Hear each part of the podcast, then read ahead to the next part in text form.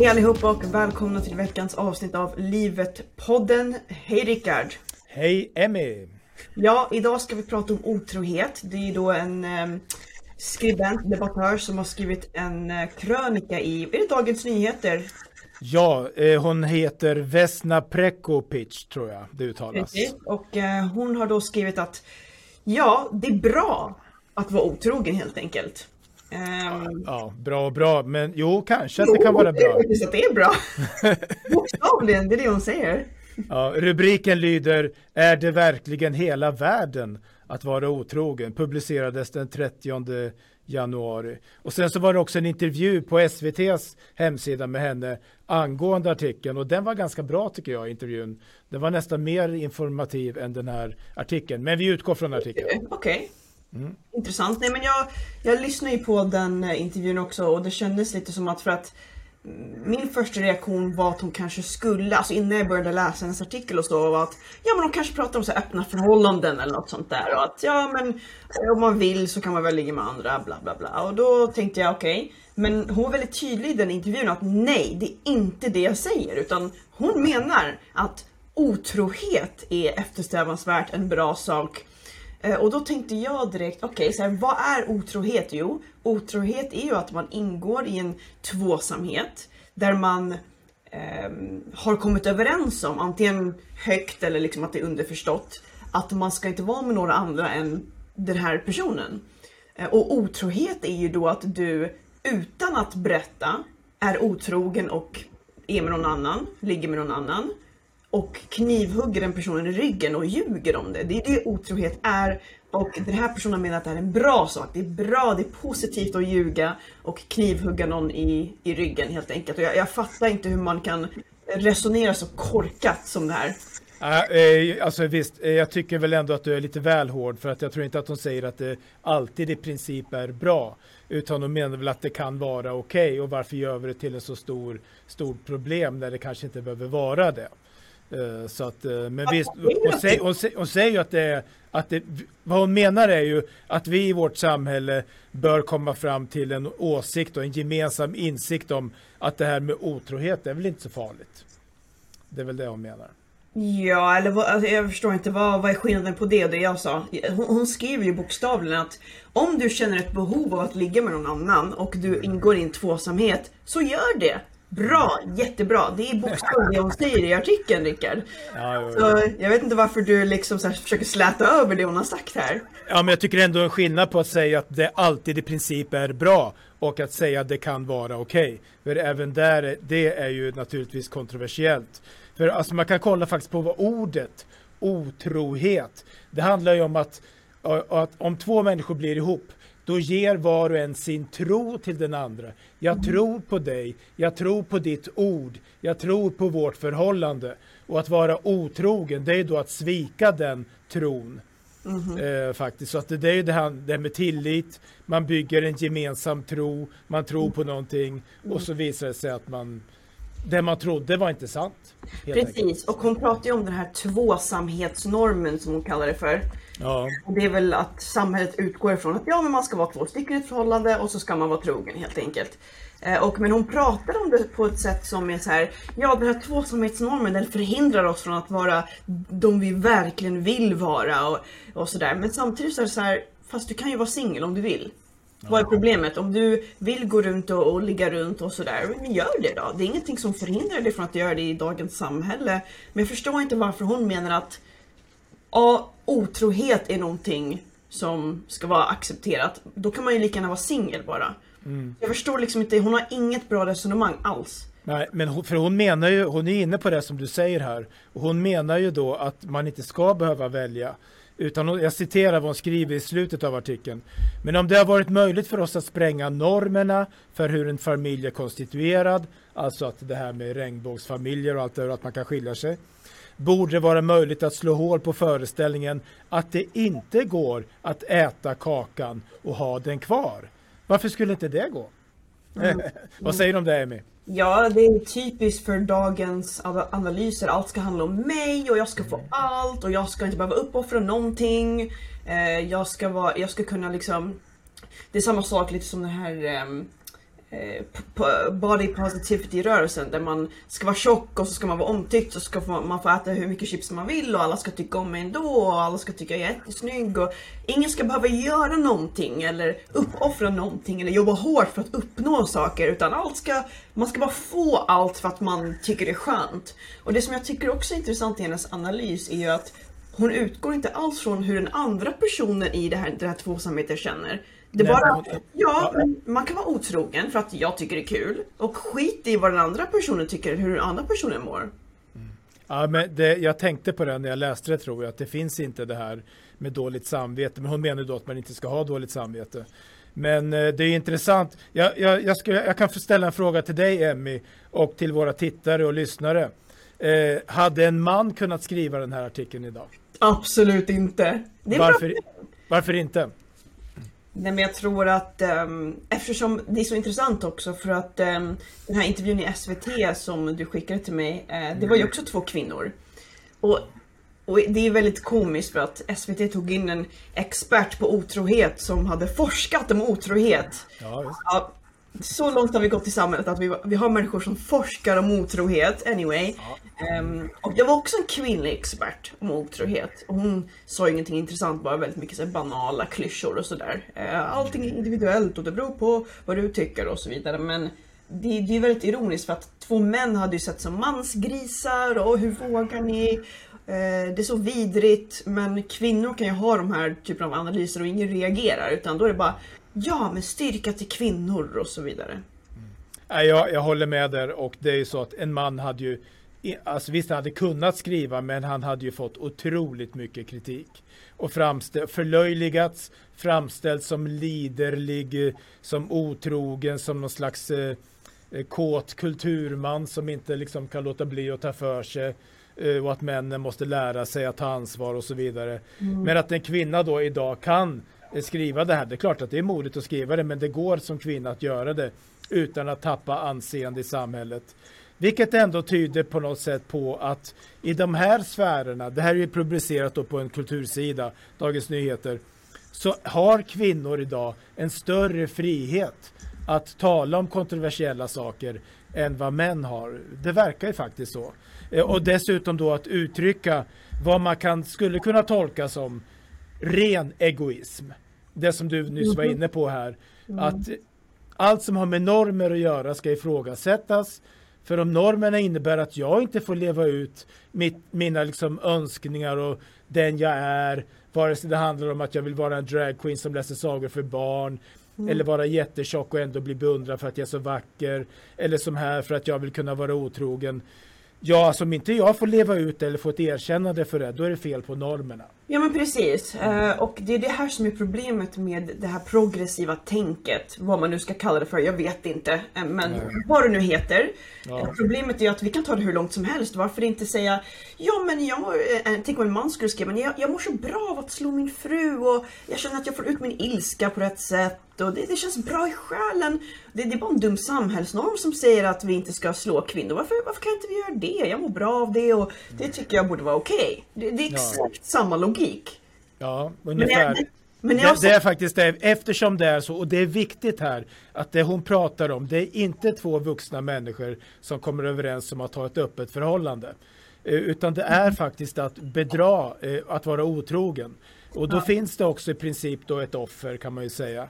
Eh, så då kan man också säga då, ja visst, då kan ju män säga ingen ska komma dragandes med den där normen som säger att jag som man inte får åka till Thailand och ligga med betala prostituerade liksom, för det är bara en förlegad norm. Mm. Eh, men det skulle man ju aldrig göra. Mm. För, det, för det är ju, och som jag var inne på, det finns intressant nog så verkar kvinnor äga en större frihet här faktiskt att, eh, att, bry, att vara normkritiska och att vara normbrytande. Ja men det är lite så för att eh, kvinnor är ju såklart offer och det är väl mm. klart, det är samma sak som liksom invandrare kan säga vissa saker som vita män inte kan säga. Du, det följer liksom samma mall. Men du, jag ställde fråga på Instagram eh, vad eh, våra tittare då eh, tyckte om det här. Är, ty, och min fråga var typ så här, är det okej okay att vara otrogen? Och eh, då så skulle vi se vad de sa. Och jag fick en hel del svar som bara bestod i nej. Punkt. Mm, mm. Det var väldigt få som, det var ingen som svarade ja och som gjorde det med ett vettigt resonemang så att säga. Nej, okay. Eh, nå, någon skrev här, jag säger inga signaturer, det spelar ingen roll vad de hette. En, en tog upp ett intressant ämne som faktiskt ingen annan gjorde och som inte kommer in i artikeln. Och det är ju det här med att det här med att vara trogen. Det hade ju förr i alla fall och har även fortfarande en så att säga en funktion som handlar om hälsa. För är man liksom två stycken som håller ihop, ja då slipper man könssjukdomar till exempel. Man slipper oönskade graviditeter. Visst, man kan bli gravid fast man inte vill då, men i alla fall inte med fel person. Så att det här med att vara trogen, det hade ju åtminstone förr i tiden innan man kunde bota könssjukdomar och innan abort och p-piller fanns. Det var ju en, en, liksom en, hade ju en vital funktion för att slippa sjukdomar, oönskade katastrofala graviditeter och så vidare. Mm. Ja. Och, det, och, det, där har vi tappat bort lite grann idag kanske. Alltså jag tror att det har, det, det, det också, men jag tror också att det beror på eh, det finns nog säkert biologisk evolutionär förklaring att till exempel så eh, förr i tiden så kunde inte man ha eh, DNA-test och männen vill ju veta, är det här mitt barn? Och då är det såklart viktigt för att man kan ju aldrig, man kunde inte veta förr i tiden om det var hans barn eller inte. Så tvåsamhet var ju också ett sätt att säkerställa att det faktiskt var hans barn.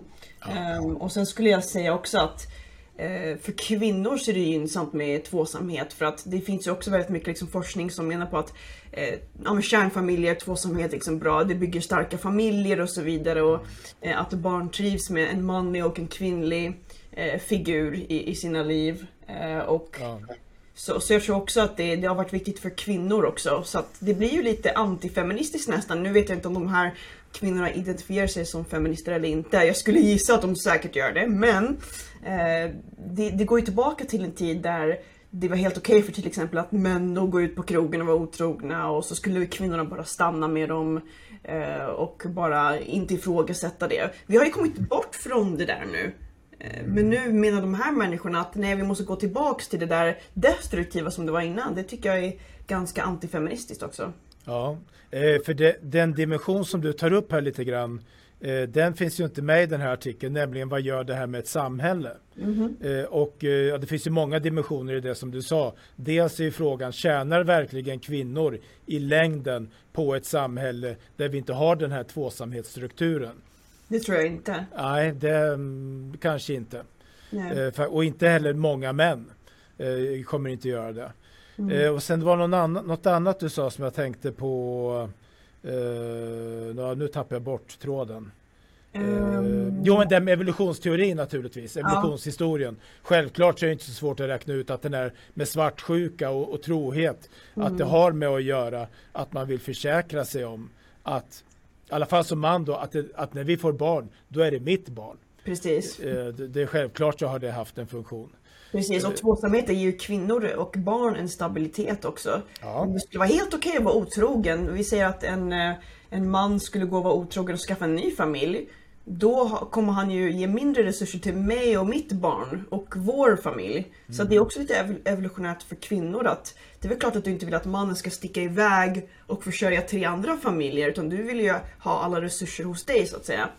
Exakt, bra, bra tänkt. Jag, jag, fick inte fram den tankarna. Självklart, mannen har haft intresse av att veta att det är han som är pappa mm. och kvinnor har haft ett intresse av att veta att han kommer att stanna hos mig. Exakt. För annars, annars blir jag helt övergiven. Liksom. Du, alltså du dog ju då. Ja. På den tiden antagligen. Mm. Om Visst. mannen stack iväg. Så det, det finns ju en anledning till varför de sakerna är här. Det är biologi och det är inte bara en social konstruktion som väldigt många av de här försöker argumentera. För det är det de gör. Att oh, det här är bara påhittat och, mm. och sådär. Nej, det är inte så enkelt. Utan Nej. det finns en anledning till varför de normerna är där. Just det, exakt bra. Det är, och det är det som vi kanske borde ta upp med, med jag tror att alla våra tittare förstår det. En, vi har ju här en viss konservativ tendens kanske. Och det är ju då det här, vad gör det här med samhället i stort? Och mm. vad gör det här med människorna? Och en annan dimension är ju också det här, ska livet verkligen bara bestå hela tiden i att göra det så enkelt som möjligt? Exakt. Det, det kanske har en funktion Uh, nu börjar jag låta så moraliserande här, men uh, jag är inget föredöme kanske. Men i alla fall, det har en funktion att försöka göra svåra saker ibland. Skaffa sig en lång utbildning som kräver uthållighet, låta bli att vräka i sig kakor, låta bli, bli att röka hash mm. och kanske låta bli att ge efter för sexuella impulser. Mm. Allt det där bygger ju liksom en styrka och ja. skapar högre värden. Mm. För jag tror ändå att om man skulle fråga de flesta människor som har varit otrogna och som då kanske sen var rädda för att det skulle komma fram. Det kanske avslöjades, man kanske förlorade sin familj, mm. man kanske fick en könssjukdom. Alltså allt kan ju hända. Då, och så frågar man, var det värt det? De flesta skulle svara nej. Precis. Eh, och det, här, det, hon skriver ju väldigt så här, glorifierande om det här mm. såklart. Eh, och precis som du säger, det är inte alltid så himla glamoröst. Och sen kan man också fråga sig det här, så här, vad gör det med samhället? Hur går det för arabländerna som har det lagligt med att männen gifter sig med sju fruar om de vill, eller att mm. mannen kan ha fyra fruar. Det, det, funkar inte jättebra för de samhällena heller. Nej. Så det verkar som att nu kanske inte jag är så här expert på de här frågorna, men jag tror ändå att kulturen och tvåsamheten och den typen av familjestruktur som vi har byggt upp i västvärlden, i Europa, USA och så vidare. Det har gynnat oss. Sen kan jag inte kanske exakt säga hur, men på något sätt har det gynnat oss att, för att det har skapat en viss stabilitet i, i våra familjer och eh, att, väx, att liksom, barn mår ju bra i den typen av miljö. Ja, vad jag, ja, jag håller med 100% där. Eh, och eh, vad jag också tror att vi måste börja tänka lite grann nu när vi lever i tider av eh, att, de att familjerna och de sociala relationerna blir allt lösare. Det är mm. att vi kommer att få se en social evolution. Alltså när man tänker evolution, det vill säga att de starkaste överlever, då tänker vi alltid så på biologi, att man kan anpassa sig, man, man kunde springa ifrån liksom lejonet ungefär. Men social evolution, det är också så att vissa människor förmår att skapa stabila relationer de förmår, klarar av att upprätthålla sina äktenskap mm. och så vidare och hålla kontakten med sina föräldrar, skapa goda nätverk för sina barn och de kommer att överleva. De kommer mm. att reproducera sig. De kommer få starkare barn. Inte alltid naturligtvis, men en viss tendens. Mm. Eh, och det där kan bli en slags eh, vattendelare i samhället tror jag. Det där är väldigt intressant faktiskt. Ja. jag tror det beror på vilken kultur man kollar på. Det känns mm. som att Um, ja, nu, nu gav jag exempel, eh, arabländerna som exempel här, men om man tittar faktiskt på muslimer här i Sverige så är det ändå, man ska inte vara otrogen mot sin fru. Det är liksom det värsta man kan göra. Utan mm. de har ju eh, på ett sätt ändå en ganska stark kultur på det, på, på det viset. Men det finns ju andra kulturer, nu vet jag inte exakt vilka så, men där det kanske är mycket vanligare att män är otrogna. Mm. Och det blir väldigt mycket singelmammor och det blir liksom väldigt, det, det funkar inte bara. Det, till slut blir det bara kaos av det hela. Ja. Eh, och man ser att man kan bevara en kultur mycket enklare som muslimer faktiskt har gjort. Alltså man ska ge dem man ska faktiskt ge dem det, att de, de är bra på att bibehålla sin, sin egen kultur. Och det har de gjort genom att ha de här, den här starka strukturen då. Att ja. liksom, man, ska, man ska inte vara otrogen mot sin fru och så vidare. Exakt. Eh, det finns många dimensioner men vi kommer, kommer säkert hinna komma in på det mesta. Vi kan väl ta ett, eh, en fråga till då, eller en kommentar till som jag fick på Instagram. Och då var det någon som kom in på det här ganska intressanta ämnet. Det är en detalj men ändå. Var går gränsen för otrohet? Pratar vi om tankar, intentioner, fysisk beröring? Eh, när ska man bli svartsjuk liksom? Mm. Vad, vad tänker du om det här? Ja, det är en bra fråga. Alltså, jag tror att det handlar om faktiskt, nu kommer jag säga någonting banalt och jättetråkigt, men det, det beror faktiskt på vilket förhållande man är i och vad din partner tycker. Du, du får en diskussion med din partner om det helt enkelt och så får man ja. diskutera vart gränserna går. Det är um, ja, inte så himla... Nej. Det, det, är inte mer komplicerat än så tror jag. Nej, jag, jag håller väl med. Och det här blir ju lite risken här att man tar de här banala tagningarna. Det vill säga att eh, Eh, att man tror då att om man har en två, ett, två, eh, ett förhållande med någon så ska man liksom bara alltid bara tänka på den personen. Man ska inte attraheras av någon annan. Mm. Man, eh, utan, och det är ju saker som man liksom kan välja att bejaka eller inte som människa. Eh, men vad jag tror att det handlar om det här att om man då ska försöka hålla ihop ett förhållande. Mm. Det är ju då inte att man liksom ska ha kontroll på varandras tankar. Eller ha kontroll på sina egna tankar. För det kan man ju inte. Och det är mm. inte lika roligt alla dagar att ha ett förhållande. Det fattar ju alla som har varit ihop med någon några år. Utan det handlar ju om vad man gör av det hela. Vad, vad, man väljer att liksom bejaka och inte, det är ju det som är grejen. Det tycker jag också är intressant att du nämner, för att hon, hon nämner också i den här artikeln att ja, eh, men den här tvåsamhetsnormen som vi måste krossa, den mm. utgår från att en person kan ge dig allt du vill ha. Fast vem har sagt det? Nej, Vem har sagt att en person kan ge dig allt du vill ha? Det är väl klart att det inte är så enkelt och det är väl klart att det finns tuffa tider i ett förhållande och bra tider. Men det handlar om att om du vill ha en, ett bra förhållande så måste du ja, men kanske uppoffra vissa saker. Eh, det är väl klart att det är så för att allting som är värt att ha måste du uppoffra för att få. Om du vill vinna guldmedaljen i Olympics så måste du ge blod, svett och tårar. Du måste träna fem dagar i veckan. Du kanske måste ge upp sömn. Du kanske måste ge upp andra drömmar och ställa ja, dem på sidan. Alltså, så allting som är värt att ha måste du uppoffra för att Eh, kunna ja, men uppnå den saken. Men hon bara tycker att nej, men man ska bara få allt och ha kakan och äta den också. Man ska inte behöva anstränga sig, man ska inte behöva göra någonting utan du ska bara vara dig själv och, och så ska du få allt. Det är liksom inte så livet fungerar och jag tror inte att hennes typ av message är faktiskt bra för unga människor att ta till sig. Att du ska bara få allt. Nej, det är inte alls en bra sak att säga till unga människor. Utan det man ska säga till unga människor är liksom att ja, ibland är saker svårt, men vet du vad, det är värt det i slutändan. Mm. Ja, det är bra grej faktiskt som du säger här. Eh, om man väljer då att jag ska, men jag ska bosätta mig i Stockholm, då kan man inte samtidigt bo i Göteborg. Så enkelt är det liksom. Sen kan man mm. resa dit ibland. Men precis, allting har ett pris. Vi mm. lever en begränsad period i livet. Vi är fertila, speciellt kvinnor, under en begränsad period i livet. Vi, har inte, vi kan inte gifta oss med flera personer samtidigt. Vad man än väljer att göra så kommer man tvingas välja bort någonting annat. Såklart. Eh, och här, här, när hon säger det här med kakan och både äter den och inte har den så är det lite grann som att hon är inne på det här. Varför ska jag någonsin behöva försaka någonting överhuvudtaget? Ja, det är sjukt. Det, det är precis vad det är och det är liksom alla mm. vet ju att till exempel när man skaffar barn också. Du uppoffrar ju jättemycket. Sömn och, och tid och gå ut med kompisar. Men man vet att det är värt det i slutändan och det känns lite som att den här typen av skribenter de är en del av en bredare kultur av att, precis som, precis som du säger Rickard, man ska inte behöva göra någonting, man ska inte behöva anstränga sig, man ska inte behöva uppoffra. För att det, det är liksom patriarkalt att uppoffra saker. Det är liksom en konspiration mot kvinnor att vi ska uppoffra saker. Precis. Det är en social eh, konspiration.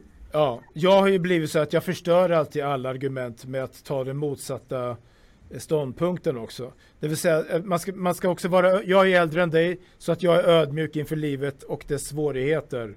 Eh, och det kanske du också är, men eh, det är ju så här att man måste uppoffra någonting, mm. men det är också så att det kan finnas en gräns för vad man ska behöva uppoffra. Såklart. För att hålla ihop ett förhållande. För det är nämligen så att, eh, att det här med att hålla, kunna hålla ihop ett förhållande, eh, och det gäller ju alla relationer, arbetsrelationer, relationer till föräldrar och så vidare det förutsätter också att den man har en relation till också på något sätt ger någonting till mig. Mm -hmm. och, och, att jag liksom respekteras i någon mån för den jag är.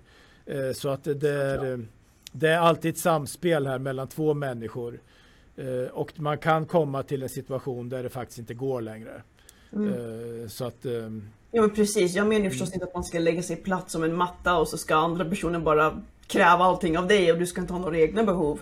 Nej. Det handlar ju om ett samspel ja. mellan två individer och då får man liksom komma på vad som funkar för, för de två i det förhållandet helt enkelt. Mm. Det, det, det, I slutsatsen, i slutet av allting så här vill jag säga bara att mm. det är ingen som förhindrar den här personen som har skrivit den här artikeln att gå ut och ligga runt om hon vill. Var singel bara. Du behöver liksom inte komma och krossa tvåsamheten och säga att tvåsamheten står i din väg. Det är väl att andra människor har en tvåsamhet och de trivs i det. Var ska hon komma och säga att nej, nej, nej, du har fel. Gå, gå runt och vara otrogen istället. Om, om man vill gå runt och ligga runt så får man vara singel, tycker jag. Ja, men hon menar ju eh, att, eh, att man ska kunna ligga runt och ha ett förhållande. Det, det, är det. Men då är det inget förhållande. Men då är det öppet förhållande. Det, det är inte, ja. alltså, om, om, om hon vill ha ett öppet förhållande, visst, kör på. Mm. Det är inte mitt problem. Men mm. det är inte det hon säger. Hon säger att ja, du ska knivhugga den andra personen i ryggen. Du mm. ska smyga runt och ljuga. Jättebra. Det är ju det hon säger. Ja. Du, eh, apropå öppna, öppna förhållanden så var det en som skrev då på Instagram så här. Allt får väl bero på vad ett par kommer överens om från början finns mm. ju swingers. Mm. Uh, och uh, nu var det för sig så att i den här intervjun sen så visade det sig att hon vill inte prata om det ämnet. Men vi kan väl ta det ändå lite grann. Det här med att komma överens om att man har ett öppet förhållande. Mm. Vad tänker vi om det? Ja, alltså jag förstår liksom inte riktigt varför man skulle vilja ha det. Uh, men om det är din grej så är det din grej. Jag tycker inte att man ska förbjuda det eller säga att de människorna är liksom dåliga eller så. Ehm, jag, jag tycker det är lite märkligt kanske. Mm. Jag förstår mig inte på det. Men om vissa vill göra det så är det som sagt, alltså, det är inte mitt problem riktigt. Nej, Nej jag, jag förstår. Det, vi vill inte sitta här och fördöma folk. De får göra vad de vill så länge de inte ja. skadar någon annan. Mm. Men jag, jag, själv så kan väl känna, om jag nu för en gångs skull ska prata om något som jag själv tänker är, eh, att jag blir ganska misstänksam mot sådana arrangemang. Liksom, mm. Varför då? Mm. är man verkligen så att säga kär i någon mm. och då ska man se att den personen eh, har en intim relation med någon annan. Mm. Eh, för mig är det lite svårt att förstå. Men visst, det kanske är någon mm. som tycker att det är okej. Okay. Ja, exakt. Om man verkligen är kär i någon, vill man verkligen Ja men hej då älskling, jag går och träffar Linda nu. Okej, okay, ha det bra. Jaha. Det är lite konstigt. Ja, det är lite. Man, jag tycker att man får vara lite misstänksam mot det. Det är faktiskt mm. Utan att fördöma. Vi vet att alla är olika. Ja. Um, se om jag hade något mer intressant fråga eller kommentar här. Någon kanske skrev på, jag antar att det är ironiskt, jag vet inte. Det är okej okay om mannen gör det. Uh,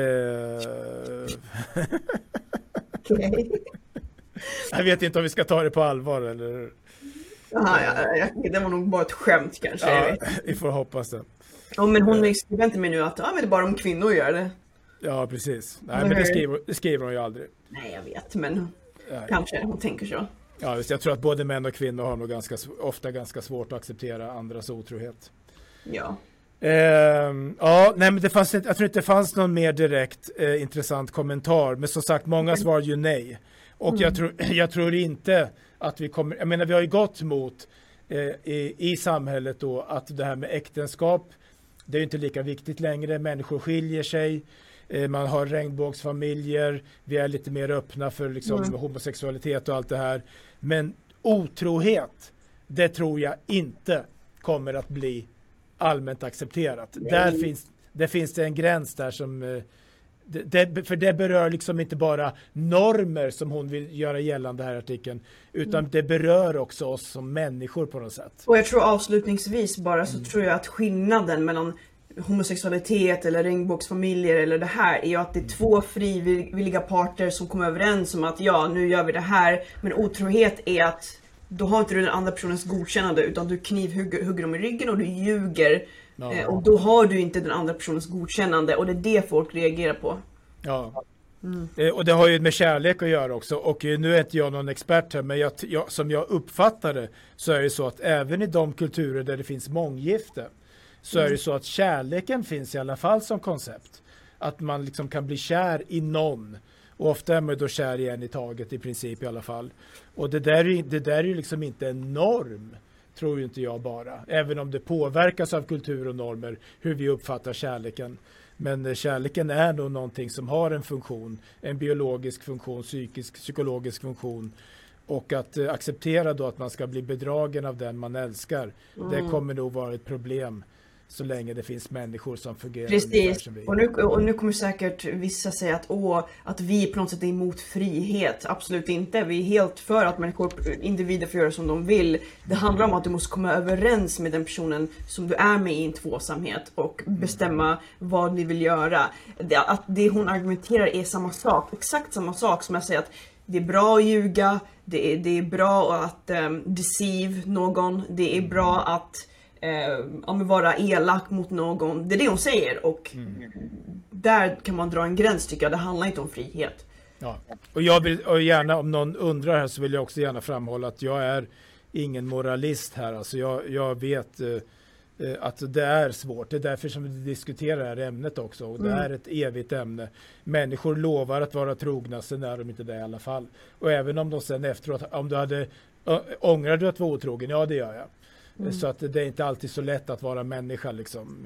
Mm. Men det här är ju att ta ett steg, steg längre. Det här är ju så att, säga, att vilja bejaka och acceptera eh, otroheten på ett sätt som vi normalt sett inte gör i samhället.